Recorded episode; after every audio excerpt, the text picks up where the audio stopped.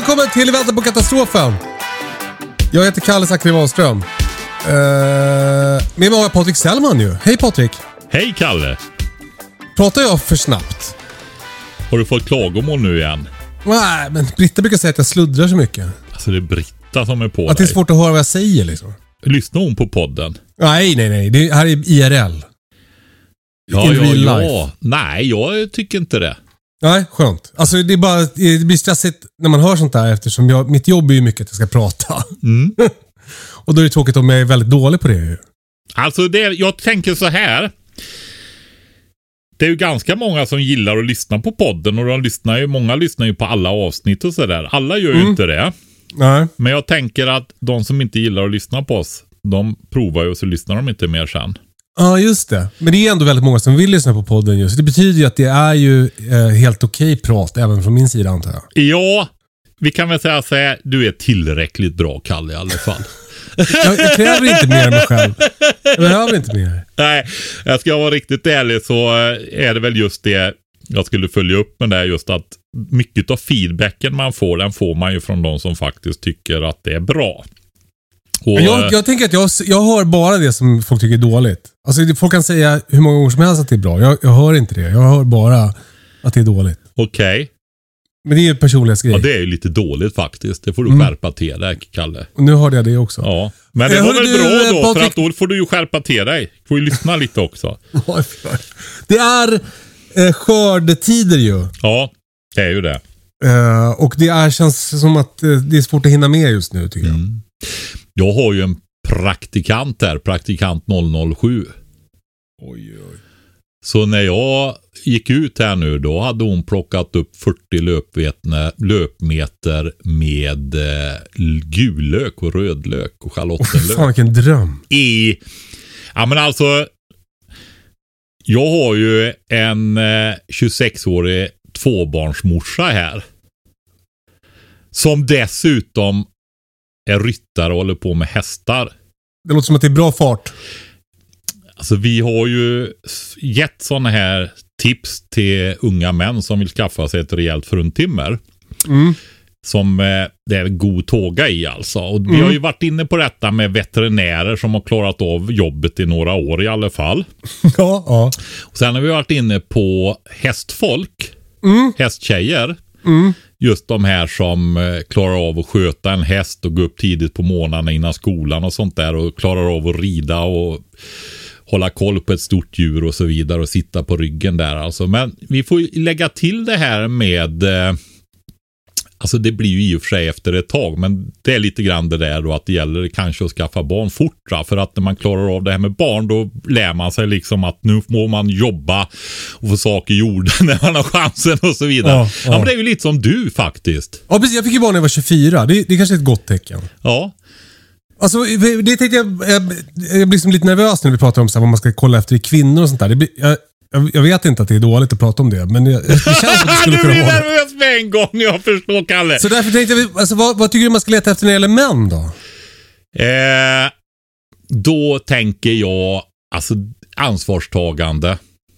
Bra pli på hunden. Nej, ansvarstagande. En som eh, eh, tar tag i saker och eh, tar ansvar helt enkelt. Och ordnar och donar väldigt mycket för sina nära och kära. Det Alltså god beredskap. Ja, eh, omsorgsfull också eh, på sitt sätt då. Ja. På alla sätt. Bra relation med sin mamma. Eh, alltså det kan ju vara, det, har du, det kan ju vara en bra eh, grund just där att man har lärt sig att umgås med kvinnor. Ja. Ja.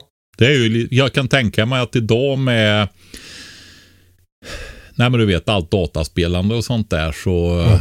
kan det ju vara så att man helt enkelt inte tränar på det. Jag har faktiskt haft samtal här nu bildskärmsgrejen. Mm. Alltså jag är bekymrad över detta alltså. Mm. Jag har ju varit det förut med dataspel och sånt. Speciellt för pojkar och unga män och sådär. Att de blir eh, sittande. Alltså Mm. dopaminkicksdrogeriet med det här. Mm. va. Det blir så lätt att få den här belöningshormonet den där vägen. Så man gör inte de krångliga grejerna utan man det blir som fusk och så är det ju så här att för att lära sig saker så måste man ju utsätta sig för det och träna på det. Och ju mer man gör det, ju bättre blir man. Och då tänker jag på barnen nu. Eh, och, och, ja, men Det är ju också för att jag har barnbarn som är 11, 9 och 7 år. Mm. Som är mitt uppe i det här. Jag ser på min dotter som kämpar med tider och ja, du vet alltihopa det där. Och jag har pratat med mina äldre barnbarn om det också. Hur kommer detta? För det är ju liksom de första generationerna nu som har bildskärmar precis överallt. I, nästan i alla hushåll också för det har blivit relativt billigt då. Ja men och hela tiden, alltså nu, nu blir det ju bara liksom en podcast med två gubbar som gnäller på alltså, ungdomar nu för tiden. Det var bättre Men förr. igår när jag skulle köra och lämna på förskolan, så då, då ser man folk som går längs med vägen på vissa ställen. Så här. Alla går och kollar i telefonen. Mm. Alltså det, det slår inte fel. Alla är liksom i skärmen hela tiden. Jag är också jättemycket i min skärm. Mm. Man blir galen. Mm. Nej, men då är det ändå så här att du har ändå vuxit upp. Du har ju fått träna och bygga relationer med vänner och motsatta könet och så vidare. Va? Ja. Om man nu då istället väljer bildskärmar före allt annat, att det liksom blir det här att det är så enkelt. Ja. Istället för att göra, leka och så vidare då. Leka med kompisar, eh, leka överhuvudtaget, pyssla. Ja, finns så oerhört mycket grejer som man kan eh, utveckla istället för att liksom forma hela sin hjärna när den ska utvecklas efter att titta på bildskärm. Ja. Ja. Jag, jag tänker det. Tänk efter Det blir väldigt bra med på detta. engelska i alla fall. Kämpa på alla föräldrar. Ja, men gör det. Flexibility is great. That's why there's yoga. Flexibility for your insurance coverage is great too. That's why there's United Healthcare Insurance Plans. Underwritten by Golden Rule Insurance Company, United Healthcare Insurance Plans offer flexible, budget friendly coverage for medical, vision, dental, and more. One of these plans may be right for you if you're, say, between jobs, coming off your parents' plan, turning a side hustle into a full hustle, or even missed open enrollment. Want more flexibility? Find out more about United Healthcare Insurance Plans at uh1.com. Quality sleep is essential for boosting energy, recovery, and well being. So, take your sleep to the next level with Sleep Number. With a Sleep Number smart bed, you can individualize your comfort level and enjoy a better sleep night after night. JD Power ranks Sleep Number number 1 in customer satisfaction with mattresses purchased in-store. And now the Queen Sleep Number C4 smart bed is only $1,599, a saving of $300 only for a limited time. For JD Power 2023 award information, visit jdpower.com/awards. Only at Sleep Number stores or sleepnumber.com. Ja, men apropå eh, kämpa på då. Så, eh, jag skördar på. Jag, jag ehm, håller nu på... Jag har skördat tomater igen. Det blir ganska mycket tomater i år faktiskt. Ja, men du. Vi har ju Ja. pratat... Eh, just det, det var ju några avsnitt sen vi tog det här med mjölksyrning och sriracha och chilin. Du hade ju funderingar på paprika och ajvarilish pratar vi om och så vidare där. Jag har ju sett på ditt Instagram att du har ju gjort det här och jag Ja. tänkte sen så här. Du har ju satt upp ditt växthus. Det gjorde du redan förra hösten. Och det här jättestora från jordnära på 135 kvadratmeter. Och jag har inte riktigt fått upp mitt för det är ju nästa odlingssäsong. Jag hade ju inte uppe det innan vintern. Just det. Kall och sen vår. Så att det blev liksom ett projekt att sätta upp det mellan ogräsrensningar och bevattningar och sånt här nu. Så nu, nu ska vi göra det de kommande två veckorna, jag och den här praktikanten som vi började med, med rejäla, rejäla fruntimmer som Just det. verkligen kan jobba då. vi var, och så hamnar vi i bildskärmar. Men eh, hur, hur har det gått då? För du har, du fått, du har ju fått igång det här med srirachan. Ja, ja, det har gått jävligt bra. Alltså växthuset har levererat toppen. Det har varit kul. Ja, jättekul. Och det, det är också... Alltså en stor del av odlingen är ju det där med att få ett överflöd. Det vi pratat om förut. Att det är så himla kul att ha ett överflöd. För man kan dels testa grejer. Eh, men också att man får så man klarar sig. Så, så i år har jag haft...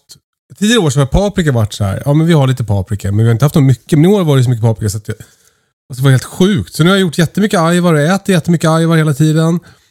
Uh, chili har jag hur mycket som helst. Det har jag torkat, eh, uh, mjölksyrat. Uh, jag har uh, gjort jättemycket chilisås. Jättestark, inte så stark. Jag håller ju på och- konservera tomater så att det står härliga till. Jag har fått slut på burkar så jag får beställa fler. Eh, ja, men det känns jättekul. Ja. Allting. Har du, alltså det är en grej jag har sett där. Grillade inlagda paprikor. Ja, Har du gjort det? nej. Det har jag inte gjort. Ja, men det, grillade paprikor. Ja, ja det, det är ju supergott. Och det var en grej som jag höll på och tänkte att jag skulle göra. Men eh, det, det var liksom lite för omständligt. Jag, jag hann inte med det också. För jag var tvungen att få liksom, jag var tvungen att skörda jättemycket paprika innan jag skulle åka på älgjakt för att den inte skulle bli dålig. Och, så, och för att vara borta en vecka liksom. Och nu ska du Och till då- Frankrike. Och nu ska jag snart till Frankrike och filma. Så då, då fick jag helt enkelt eh, göra på några sätt och inte på alla sätt med paprikan. Mm. Eh, men eh, det ska bli ganska kul. Vi åker till Frankrike och filmar, eller Britta är redan där. Men, men jag ska vara borta i två veckor. Då ska eh, Hjalmar, känd från podden, passa gården. Bra! Det ska bli jävligt kul. Mm. Så han har varit här på, på inskolning och eh, vi, har, vi har konserverat tomater ihop och så här. Så han kommer kunna göra det medan jag är borta. Om, och det lär ju fortsätta komma liksom. Mm. Eh, så det känns jättekul. Men växthuset har varit helt fantastiskt. Alltså, eh, jag har typ inget klag. Jag, jag, det fuckade upp lite med tomatplantorna i, i våras där med att de Lila. blev för, att de blev för kalla. Vad sa du? Ja, de vart lila. Ja, exakt. Och det där har hängt kvar lite. Jag har ganska mycket pistillröta, ganska mycket spruckna tomater. Men jag har så mycket så att det gör inte något. Jag, jag får liksom massa ändå, Mm. som är bra. Men delar du med dig och sådana där grejer också till folk Mm. nu? Ja, precis. Det är ju det. För det är det som är eh, det, nästa grej som är så lyxigt med att ha ett överflöd. Det är att man kan ge bort. Ja. Och att då när Hjalmar är här så har jag sagt åt honom så här att du får testa vad du vill. Alltså, jag har redan tomater så att jag klarar mig. Så gör vad du vill med tomaterna. Gör vad du vill med paprikorna. Gör vad du vill med chilin och auberginen och så här. Jag har redan så att jag klarar mig. Så kan han få experimentera lite när han är här och, och lära sig själv. Liksom. ja, testa lite. Ja, och sen det där att bara ge bort. Det är ju så jävla lyxigt att, att kunna göra det tycker jag. Mm. Jag har eh, inte varit riktigt kompis med den här dim eh, vattenspridarna, alltså de som ska kyla ner växthuset. De tycker jag det är ett munstycke som släpper väldigt lätt. Jag måste sätta, sätta några sladdklämmor där, eller slangklämmor där eller någonting. Mm. Eh, Det blir för mycket Men- motstånd helt enkelt så det trycker Exakt, loss dem ja. de flyger av. Men annars har det funkat Mm. toppenbra. Bevattningen funkar jättebra. Eh, ja, det är verkligen... Men hör med Daniel på jordnära där då om man har något trick med att han värmer och krymper eller liksom. Ja, med fråga han också för han har ju väldigt väl. Och det, har varit det har också varit härligt att ha Daniel i sitt liv. Precis som det har varit härligt att ha dig i sitt liv. Sen vi lärde känna varandra så har det varit härligt att ha Daniel i sitt liv. För han, han kan ju jättemycket om, om växthus och, och odling och, och sådär. Så jag har kunnat fråga honom massa grejer också. Det har varit toppen. Jag slänger in ett tips där. Ja. Kolla på jordnäras eh, både Instagram och YouTube. Han har ju kommit upp nu så pass med sitt företag så han har kunnat anställa en som jobbar heltid med sociala medier och de har verkligen storsatsat på det där och göra vad ska vi säga, utbildande, generöst innehåll. Ja. Så där går det att få väldigt mycket tips va. Kul. Jordnära med GJ. Just det, jordnära. Ja, jordnära. Ja. De tillverkas ju i Sverige, deras växthus då. Eh, ja, det har varit eh, toppen. Eh, eftersom det är skördetider Patrik så är ju podden ganska mycket om det just nu och mycket småbrukande och sånt där. Eh, det tycker vi är kul. Eh, vi får också mycket frågor om den typen av grejer. Eh, till exempel har vi fått en fråga från Tor om potatislagring. Jonsson heter jag. Jag eh, får börja med att tacka för det väldigt bra tipset att odla potatissorten Connect. Jag står och tittar ner i mitt potatisland här och det, eh, det har växt kan jag säga. Uppskattningsvis kommer jag att kunna ta upp en dryg kubikmeter potatis ur mitt lilla land här. Ehm, men då kom jag på att jag har ett problem som jag hoppas att ni skulle kunna hjälpa mig att lösa. Det är nämligen så att jag inte riktigt vet vart jag ska förvara potatisen. Eh, min situation är, då så att jag bor i en liten trång lägenhet med min familj i Stockholm men odlar potatisen utanför Uppsala hos mina föräldrar i deras trädgård. Ehm, jag kan alltså inte förvara så jättemycket potatis hemma men här finns det bland annat ett kallgarage och naturligtvis eh, rumstempererade förråd också. Eh, det finns också ganska gott om mark som man skulle kunna bygga eller gräva någon sorts förvaringslösning på. Eh, kanske inte jättepeppad på att det ska bli väldigt dyrt för då går lite idén med att eh, odla sin egen mat bort tycker jag. När man måste betala flera tusen för att förvara den. Eh, ja, jag vet inte, det skulle vara eh, jättekul att höra om ni kunde spåna lite kring någon ett billigt, bra sätt att förvara potatisen. Över vintern då hade jag tänkt. Um, ja, hoppas jag kan få lite hjälp med det. Och uh, återigen tack för uh, tipset om potatis och alla andra jättebra tips som ni kommer med. Det är alltid lika kul att lyssna på podden och, och bli inspirerad och odla mer och höja sin eh, hemberedskap. Tack så mycket. Hej! Tack Tor! Fan vad fint. Eh, till att börja med, gulligt att du tror att det ska bli billigare att odla själv än att köpa i affären. Ja, alltså. Det kan det ju vara. Alltså en del Ja. människor är ju jätteduktiga på att fixa grejer. Men då får man ju oftast göra det med arbete. Kräver Mm. att man har gott om tid och så vidare. Va? Småbarn, småbruk, försörja sig. Ah, det finns inte så mycket tid helt enkelt. Men för, för en grej som jag gjorde, jag kokade päronmos. På, för jag fick massa päron av en granne. Och då var mina burkar slut och då har Britta sparat så här jättemycket olivburkar. För hon äter en speciell sorts oliver jättemycket. Och jag blir alltid förbannad för att hon sparar de där burkarna. För jag tycker att de... ah, Det är bara rörigt med massa olika sorters burkar och det är etiketter kvar och locken försvinner och så här. Men jag var jätteglad för dem nu. Det var ju lite mer jobb, för jag var tvungen att leta väldigt mycket efter att hitta kompletta burkar med lock och sådär. Men det var ju sjukt värt för mig att kunna ha, ha sylten i något. Men då var det ju mer jobb. Eh, men du Patrik. Eh, eh, vad ska eh, Tor göra? Ja.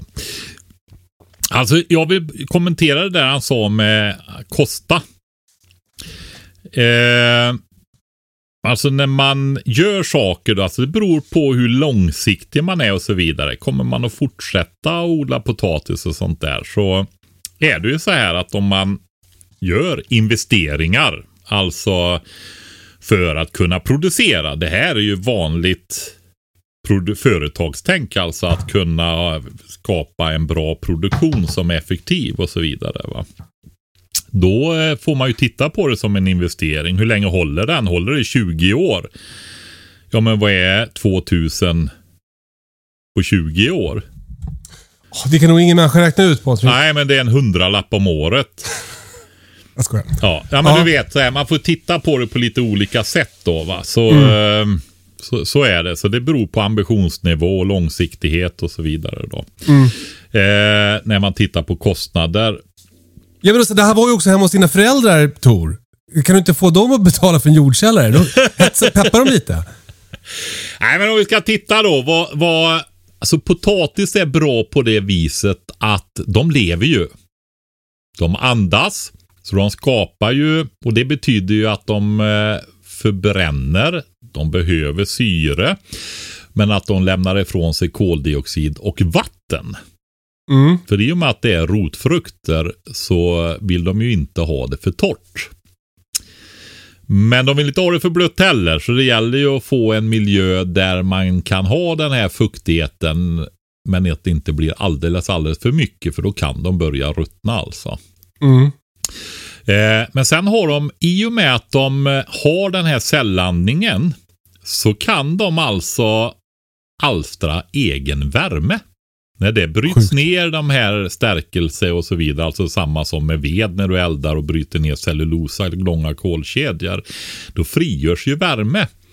Och de kan skydda sig själva. Och det är väl en, en grej så här, när de ligger i jorden då, om man tänker i naturen, den här typen av växter med den här typen av knölar. När det börjar bli kallt så kan knölarna skydda sig i jorden genom att alstra värme så de inte ska frysa sönder.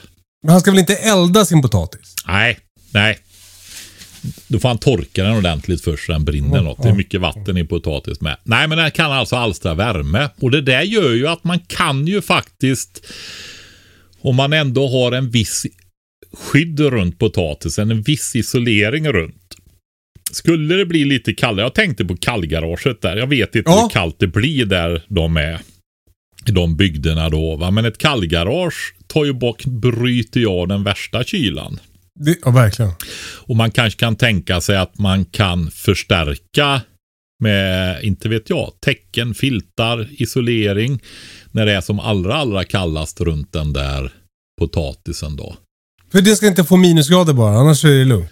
Ja, men är det liksom, kommer det neråt en, två plusgrader där, då börjar ju de alstra värme själv. Och det hjälper ju inte mycket om de ligger bart i minusgrader. Men ligger de liksom med isolering. Man kan ju tänka sig att bygga någon form av eh, lagom ventilerad frigolitlåda typ va. Men vad, när du säger lagom ventilerad, då, då drar jag öronen åt mig direkt. Hur ska jag veta det? Ja, precis. Eh, exakt. det är så här, om vi säger, ja, har man ett kallskafferi då, nu förmodar jag att det lät så att det inte var så där. Eh, det här kallgaraget är väl åt det hållet, men det är ju inte alls skyddat på samma vis då.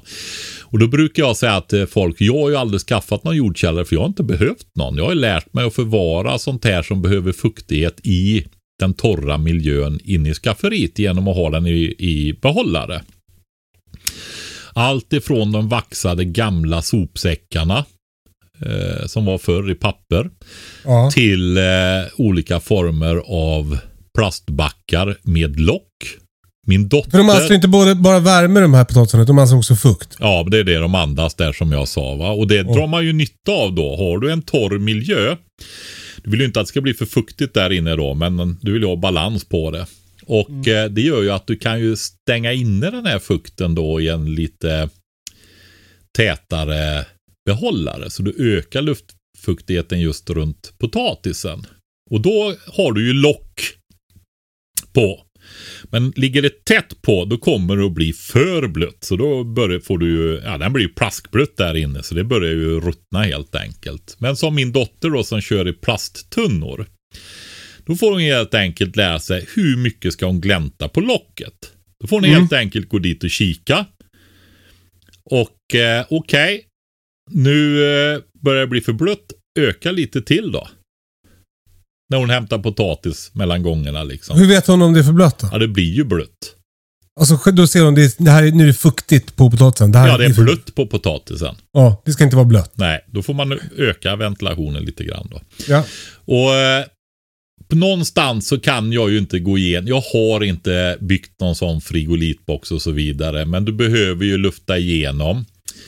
Eh, du bör ju ha någon form av luftintag relativt lågt och någonting som går ut lite högre upp. Och de, ja, man kan ju helt enkelt då göra så här att man har reglerbara öppningar helt enkelt. Så man kan variera det och prova ut hur mycket det behövs. Det kan ju variera över säsongen också då.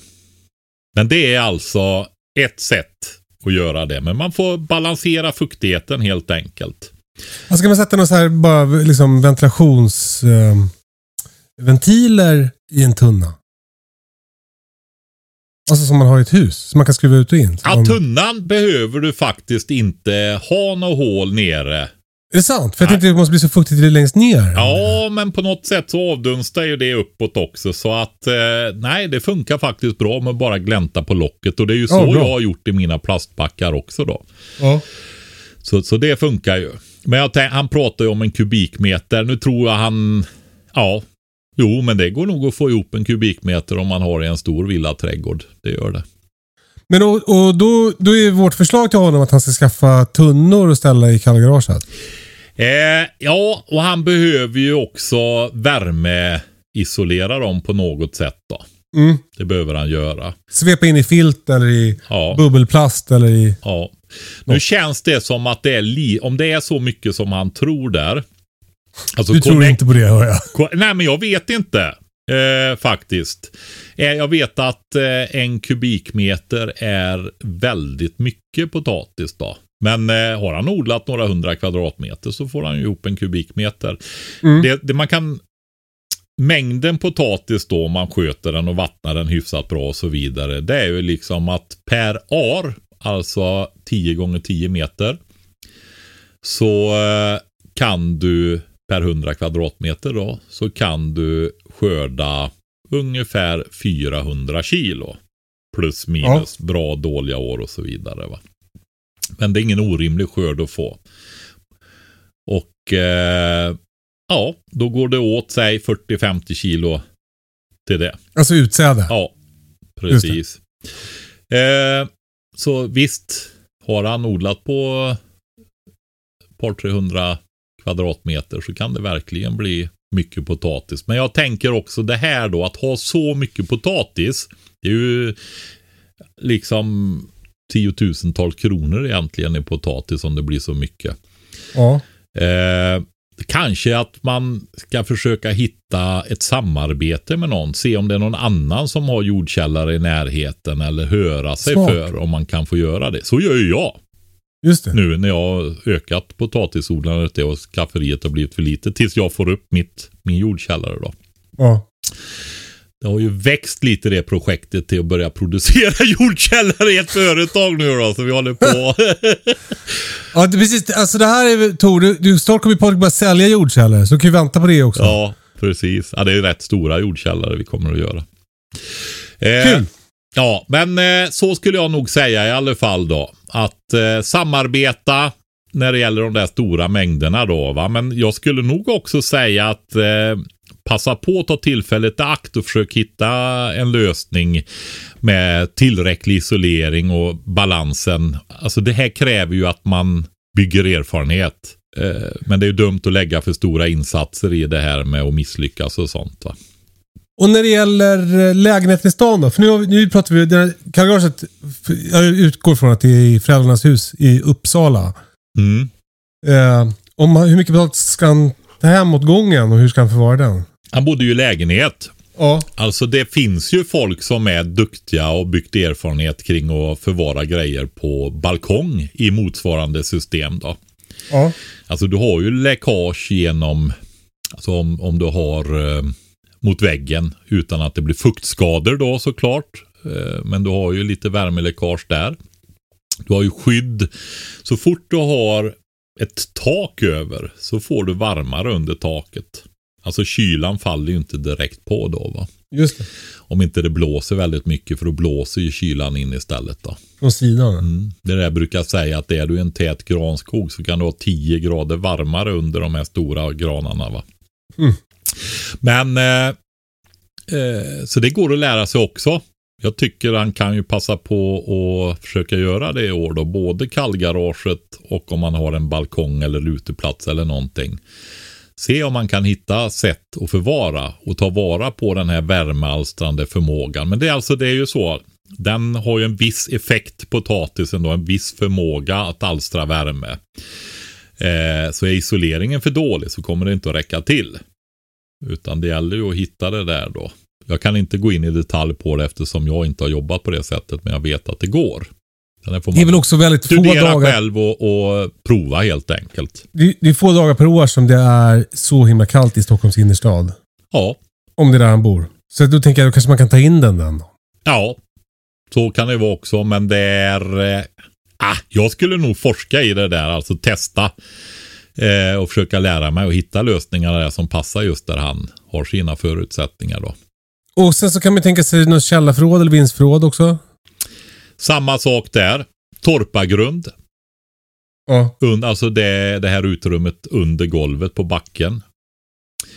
Kan man Se kolla? till att göra gnagartätt. Ja, det är det också. Precis. Bra. Och då kommer vi genast in på det där att göra stuka också. Alltså att eh, Yes. göra ute på fältet, på la- i landet helt enkelt.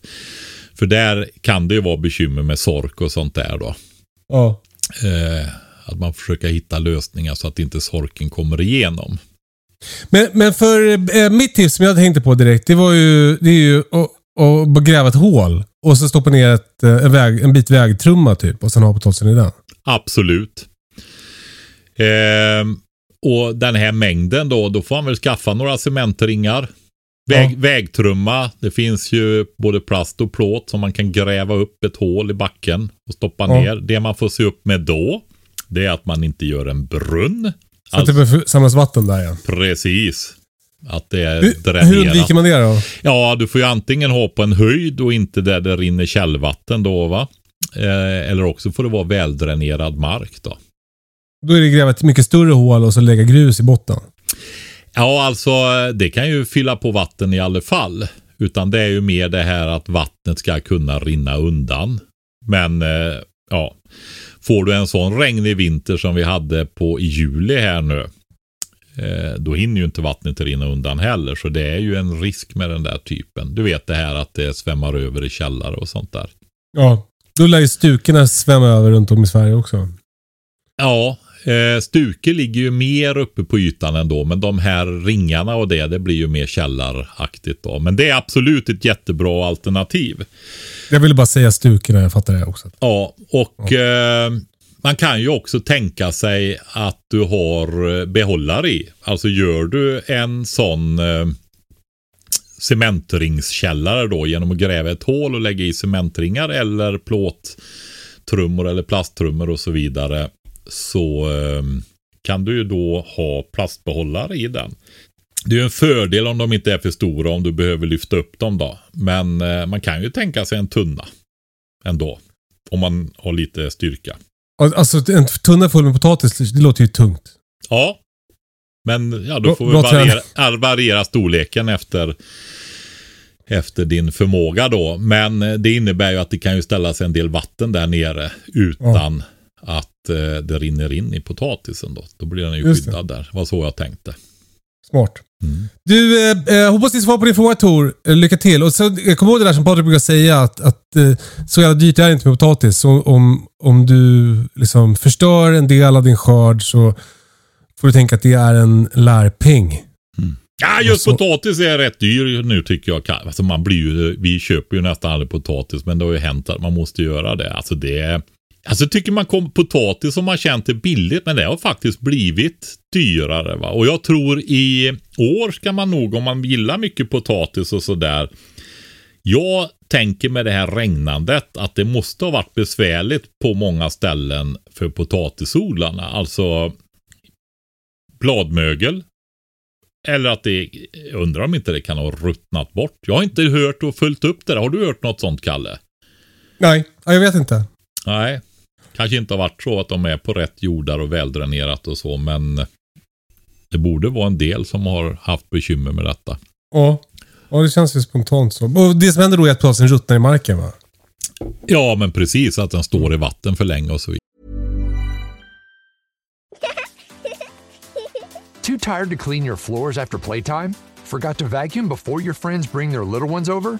Let Eufy X10 Pro Omni help. Powerful 8000 PA suction removes debris, and MopMaster dual mop pads scrub away stubborn stains with ease.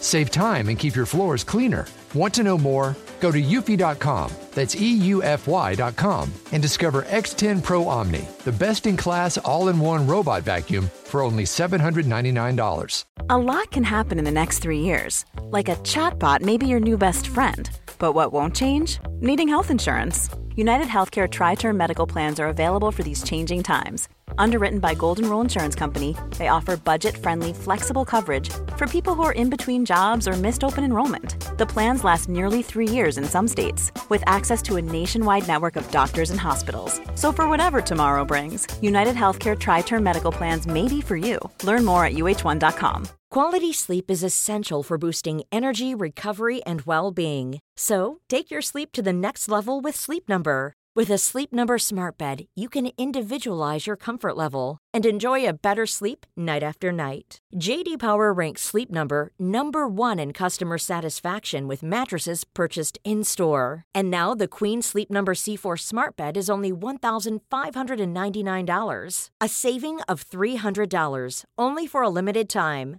For JD Power 2023 award information, visit jdpower.com/awards. Only at Sleep Number stores or sleepnumber.com. Eh, Du, vi har fått en fråga till från en eh, eh, snubbe som vill förvara skörd. Mm. Han heter Gustav. Han har ett utrymme i sin källare som är 2,5 gånger 1,5 meter. Funkar som matkällare. Eh, Det ligger i hörnet av huset så två av rummets väggar är ytterväggar. Jag har den hårda vägen lärt mig att man inte kan förvara socker och salt där. Då blir de stenhårda klumpar i sina paket för de drar till sig fukt. En ännu tråkigare händelse drabbade mig tidigare i veckan då hela årets vitlöksskörd gick mögeldöden till mötes. Det kan såklart, såklart bero på fler faktorer än fukten, för kort torktid, felaktig förvaring, bla bla bla. I skrivande stund, och då har han skrivit också till klockan 22.57 på kvällen, så är det 15,5 grader och 80% relativ luftfuktighet. Utomhus är det 90% luftfuktighet och 12 grader. Vad kan jag göra för att minska luftfuktigheten i matkällan utan att ställa dit en luftavfuktare? Jag skrev mig på att slänga upp en ny färg och puts på ena väggen då den, en del har släppt och ligger i en hög på golvet. Jag har även funderat på att köpa en så kallad torrboll. Eh, vad har ni för andra tips? Mm. Till att börja med är ju tipset att inte förvara vitlök i det här utrymmet. Nej, alltså. Man förvarar olika livsmedel på olika platser. Mm. Han har 15,5 grader i jordkällan nu och det är ju för varmt då va. Eh, Man vill ju ha ner för rotfrukter. Potatis vill du ju ska liksom gå ner i vila. Alltså eh, lugna ner sig helt enkelt. Va? Och eh, då vill du ha några grader över nollan där bara helst. Då. Men eh, det Men det är ju svårt för det, det har inte jag i min jordkällare. Ja, men jag funderar på att dörrarna fått stå öppna där då under sommaren så att det har gått in varmluft eller någonting för att det låter, eller också är det för lite jord och isolering på den här jordkällaren tänker jag. Alltså det är också mer som en matkällare än en jordkällare. Ska man säga. Men Okej. Som jag fattar det, det är som ett rum. Det är inte ett, ett grävt hål utan det är en del av hans hus. Just det. Ett utrymme i min källare ja. Ja. Men om vi säger så här, vad gäller luftfuktigheten där på 80 procent. Mm. Det är ju en, en, skulle jag nog säga, väldigt bra fuktighet för en jordkällare. Alltså Ja. för att förvara rotfrukter och sådana saker i. Men eh, ett, för att förvara socker och salt eller mjöl och sådana saker, det blir ju inte alls bra. Va? Utan det ska ju vara ett torr skafferi då. Mm. Eh, och just socker och salt, där är det nog snarare så att det är torrt är viktigare än temperaturer och så. Va? Mm. Så eh, ett torrt utrymme då. Eh, vitlök, det förvarar man i rumstemperatur. Varför gör man Mm. det, Kalle? Därför att vitlöken eh, behöver veta att det har varit vinter innan den börjar gro. Exakt, så Så om den blir för kall så tror den att det har varit vinter och då börjar den gro. Exakt, när värmen stiger sen va. Yes! Fattar Ja. den? Ja. Så eh, det utnyttjar jag ju med mina vitlöksbulbiller. De här små vitlökarna som blir i blommorna på vissa vitlökssorter då. För jag drar ju upp plantor av dem tidigt på våren. ja, när jag såg purjon då i januari. Och då måste jag förvara dem kallt. Annars, annars så kommer de inte att gro. Eller börja Ja. växa då. Så, eh, så det vill du ju inte om du har vitlök. Att den ska göra. För den ska du ju äta upp då va. Så då ska Ja. du ha den i rumstemperatur så ligger den där och vilar och vilar och vilar. För det blir ju aldrig vinter så att den ska växa efter vintern. Så eh, en, eh, en, ett litet kärl, det finns speciella vitlökskärl som är lerkrukor med lite hål i så det inte blir för torrt och börjar mögla, eller för fuktigt och börja mögla. Och så Mhm. står den på en hylla i, i köket så kan du förvara dina vitlökar i den då. Man kan också rekommendera det här med att ha en fläta i taket. Går jättebra. Ja. Kul. Om man vill plocka upp, plocka upp bös och sånt när man vrider av vitlökarna. Så är det extra Men du, bra. ett tips är väl också för att Gustav hör av sig till Tor. Så kan Tor förvara sin potatis i Gustavs eh, matkällare. Och så kan Gustav förvara sina, sitt salt och socker i Tors lägenhet. Alltså den behöver bli kallare i så fall den Ja. matkällaren där. Faktiskt. Men vad ska han ha matkällaren till då? Alltså han får fundera på var värmen kommer ifrån. Ja, men det är väl att det är så varmt. Alltså det är inte under 15 grader på Nej, nätterna. men han får fundera varför är det varmt och var kommer den värmen ifrån? Den kommer... Vädret. Nej. Eh, ja, delvis gör den ju det. Men jag skulle ju tro att den kommer från huset också. Så han behöver isolera väggen mot huset bättre. Alltså han får titta och fundera på det. Kanske prata med någon som förstår sig på det här med fukt och isolering och sådana grejer så att det inte Mm. blir mögel och sånt där. Men eh, eh, det låter ju mer som en, en rotfruktskällare eller det, går- det går ju också att ha glaskonserver och sånt i den fuktiga miljön. Alltså lufttäta behållare då. Mm. Konserver och sånt. Och saft och sylt och allt det där går ju också att ha i en fuktigare miljö då. Just det. Det gör ingenting. Men eh, torrvaror absolut inte. Och inte lökar och sånt som du ska förvara torrt. Och det gäller även gullökar och sånt. Då. Men den förvarar man, brukar man förvara kallt då. Mm. vitlöken som är rumstemperatur då. Underbart. Hoppas det är svar på din fråga Gustav. Och eh, tråkigt med din vitlök. Eh, jag har inte heller någon vitlök. För den fräste jag ju bort när jag gjorde mitt land i våras. Eh, så kan det gå när man inte tänker efter.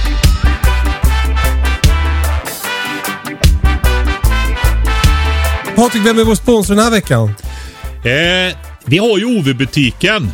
Eh, Kul! Ja, och där har vi ju kvar det samarbetet till våra lyssnare med 10% rabatt i kategorin hemberedskap och prepping. Och det ligger under, som underkategori under hemberedskap och friluftsliv. Där hittar ni den. Allt där i är det 10% på med rabattkoden hemberedskap med stort H i början. Och vad tycker du man ska köpa? Ja, vi har ju dels pratade vi ju förra gången om den här raketspisen. Titta på den om det är någonting som kan vara värdefullt. För det är just det där att du kan elda med biobränslen i den och det är en kraftfull spis. Det är liksom ingen för en liten kastrull sådär.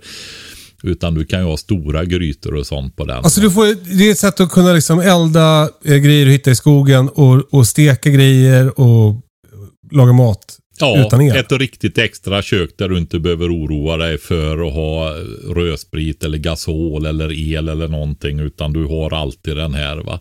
Den är lite större, inget ryggsäckskök i första hand, men eh, bil, kanot, båt.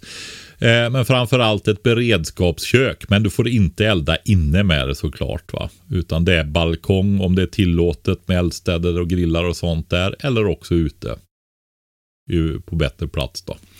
Eh, men sen är det mycket annat där också. Men titta under den kategorin där. Vi pratade ju förra gången om sjukvård. Det finns mycket bra prisvärda artiklar på sjukvård, men mycket annat också. Eh, Min favoritkompass också. Vilken är det? Åh, nu kommer jag inte riktigt ihåg beteckningen, men jag måste ju ta fram den då, Kalle. Silva är det. Jag har nog ingen favoritkompass här på rak arm. Nej, men jag visar ju dig den. Den här syftkompassen. Mm. Med... Eh, där du har en spegel och det. Och det var ju faktiskt när vi skulle... Sätt upp växthuset. Ja, exakt. Ja. Därför... För att skulle hamna i rätt riktning. Exakt, och då kan du sikta med den va. Jag försökte ju lära dig det också. Ja, Kommer jag du ihåg. Kalle? Jag har en väldigt fin bild på dig när du gör i alla fall. Vad sa du? Jag har en väldigt fin bild på dig när du syftar med kompassen. Jag kommer inte ihåg hur man gör. Jag har fullt upp med att skapa innehåll. Precis. Den heter 16 DCL kompass. Silva 16 DCL. Det, det är alltså det. Jag vet inte om det finns en bättre kompass än den. Eh, om du köper den på ovbutiken.se med koden hemberedskap och ordet börjar då på stort, med stort H. Då, då får du 10% och så får du världens bästa kompass. Men vi förespråkar att du ska köpa raketspisen därför att vi har en speciell deal så vi, då får vi en slant. Ja, det får vi. Men de får också 10% Det är ju ett samarbete med OB-butiken, men det tror jag vi var tydliga med där. Snyggt!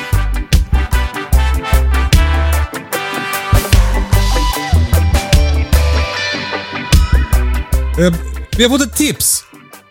Eh, och Det är en, eh, inspelat som en ljudfil och det tycker vi är svinkul. Så om du har en fråga eller tips, skicka gärna en ljudfil till oss. Du spelar bara in det i telefonen, mejlar till hejkatastrofen.se. Så har du väldigt stor chans att komma med i podden. Hej, hej. Eh, ta tillvara på allt som man har odlat. Jag köpte den här fröboxen av er. Superglad för det. Vad bra att ni sålde den och att jag köpte den. För det hjälpte verkligen med att sätta igång det här mitt andra år med odlingsland. Men nu märker jag att jag bara ger bort allting till kaninen. Vad ska jag göra med mina grödor? Kålroten, alla morötter. Ja, skulle man kunna få lite tips kanske? Ni är bäst. Tack för eh, eh det fina meddelandet. Eh, och också extra kul med lite reklam för vår fröbox. Vi kommer sälja den i år igen. Mm. Eh, och det känns ju superkul. Har du odlat mycket grejer i fröboxen Patrik? Ja, de grejerna som är där i, det är ju jag som har valt ut dem. Mm. Och jag har ju just valt ut dem ur ett beredskapsperspektiv och dels allsidighet och så vidare då. Men att det ska vara hyfsat enkelt att förvara dem då. Va? Mm. Och eh, en del av dem går ju att ha ute. I landet faktiskt. Fast fryser de fast så blir det ju bekymmersamt. Va? Och vilka grejer som kan stå kvar i landet? Eh, purjolöken, grönkålen, palsternackorna. Palsternacka är ju en sån rot. Det är ju den som har mest socker i sig. Alltså Det är sötaste rotfrukten. Ja, många älskar ju det. En del tycker inte om den och en del älskar den då. Va? Jag tycker ju att när jag har blivit äldre så har den blivit godare och godare. Eh, den går faktiskt att jäsa vin på till och med. Jaha. Aldrig prövat, men eh, tydligen. Jävla mäktigt med palsternacksvin ju. Ja, ska vara väldigt gott dessutom. Och det lärde jag mig redan i högstadiet. När jag Den låg hårda i vägen, hängmattan under äppleträden hemma på Lillegården och läste självhushållningsboken. För John Seymour skriver ju om att göra palsternacksvin där. Jaha. Jag gjorde dock äpplevin när jag var 12 år. Som jag inte fick dricka för mina föräldrar då. Men det är min, min, min farfar han lärde mig också att göra brännvin då i tryckkokaren. Det blev min mamma. Jag tror aldrig han har fått så mycket själv farfar. Som han fick av morsan då. Alltså jag har aldrig hört ett mer, ett mer givet avsnitt som vi ska lägga bakom betalvägg än när du berättar hur man gör sprit. Ja, det är ju förbjudet. Ja men alltså rent hypotetiskt. Fredrik. Ja, Alltså, ja, ja, hypotetiskt. Ja, precis. ja. Mm. Eh, eh, eh, just det, palsternackan kan stå kvar. det är perfekt för både alltså, purjolök och palsternacka har kvar i landet, inte skördat. Då får de bara vara kvar. Ja, exakt. Underbart. Tack. Eh, men men eh, eh, vad är tipset nu då till, till Ida var det som hade skickat det här, Mm. eh, den här frågan. Vad ska hon göra med alla sina morötter? Ja, alltså. Vi har ju... Alla de här grejerna går ju att konservera till att börja med. Om, man, om hon vill satsa på det lite grann så är ju det det här. Men då är det det att de är inte sura. Nej. Så eh, då behöver man en tryckkokare och då går vi inte in mer på det. Ja, det har vi pratat om till senaste tiden. Utan det får läsa, i- ö, lyssna i gamla avsnitt då. Men det är Men om man ska konservera morötter, det är väl bra att säga hur man gör då? Är det bäst att slanta den då och stoppa ner i en burk eller? Ja, eller tärningar eller stavar eller vad du vill då va. För det man vill är väl att det ska bli ganska... Det, det krymper ju när man tryckkokar det. Så Mm. det var det som var så deppigt. Jag körde ju paprika i och konserverade. Det blir ju bara liksom en fjärdedels burk med konserverad paprika eftersom de krymper så mycket. Mm, de vätskar ur sig ja. Exakt. Mm. Men hur, och morot då? Det är väl att försöka få så, så små bitar som möjligt och packa så fullt som möjligt. Mm. Men det går ju att göra baser också. Alltså en mycket känd sån är ju sofrito. Men då ingår ju en växt som inte var med i fröboxen där. Stjälpceller är precis. För då eh, kan du ju sortera, heter det när man steker på låg värme va? I fett. Mm. Och eh, då har du gul lök, selleri och morot. Och eh, låter det och så lägger du det i burkar. Och så kan du ha det som bas i eh, soppor och grytor och allting sånt. Alltså alla italienska grytor ska ju ha det. Alltså köttfärs och spagetti. Du, jag, jag, sluta göra köttfärs och spagetti utan den här blandningen. Det kommer förändra ditt liv. Åh. Men, och hur gör man med den då? Fryser man in den sen eller? Nej, men då kan du konservera den. Mhm. Ja, alltså det går ju, ja, absolut. I och med att den ska, det är ju, alltså, det är ju vad ska vi säga, massa i den här också. Men den går ju mot buljong nästan skulle jag vilja säga i, i syfte och roll. Alltså de här smakerna va.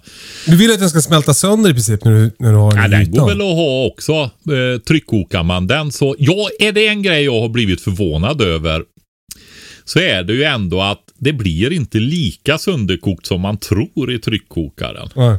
Jag tänker framförallt på grönkålen där. Just det. Alltså det kändes ju nästan meningslöst va. Men eh, att testa ens en gång. Men det var ju det där. Frysboxen var full. Så Ingmar ställde sig ute i våran vedeldade stora gryta ute. En sån där med skorsten. Pann, pannspis. Mur. Pannmur ja, precis som ni kallar det på östkusten. Där tror jag mest. Eh, och liksom blanchera detta då. Just för att det tar ju så mycket plats annars va. Utan att Ja. det liksom packar ihop sig. Och så fyllde hon detta i burkar sen då.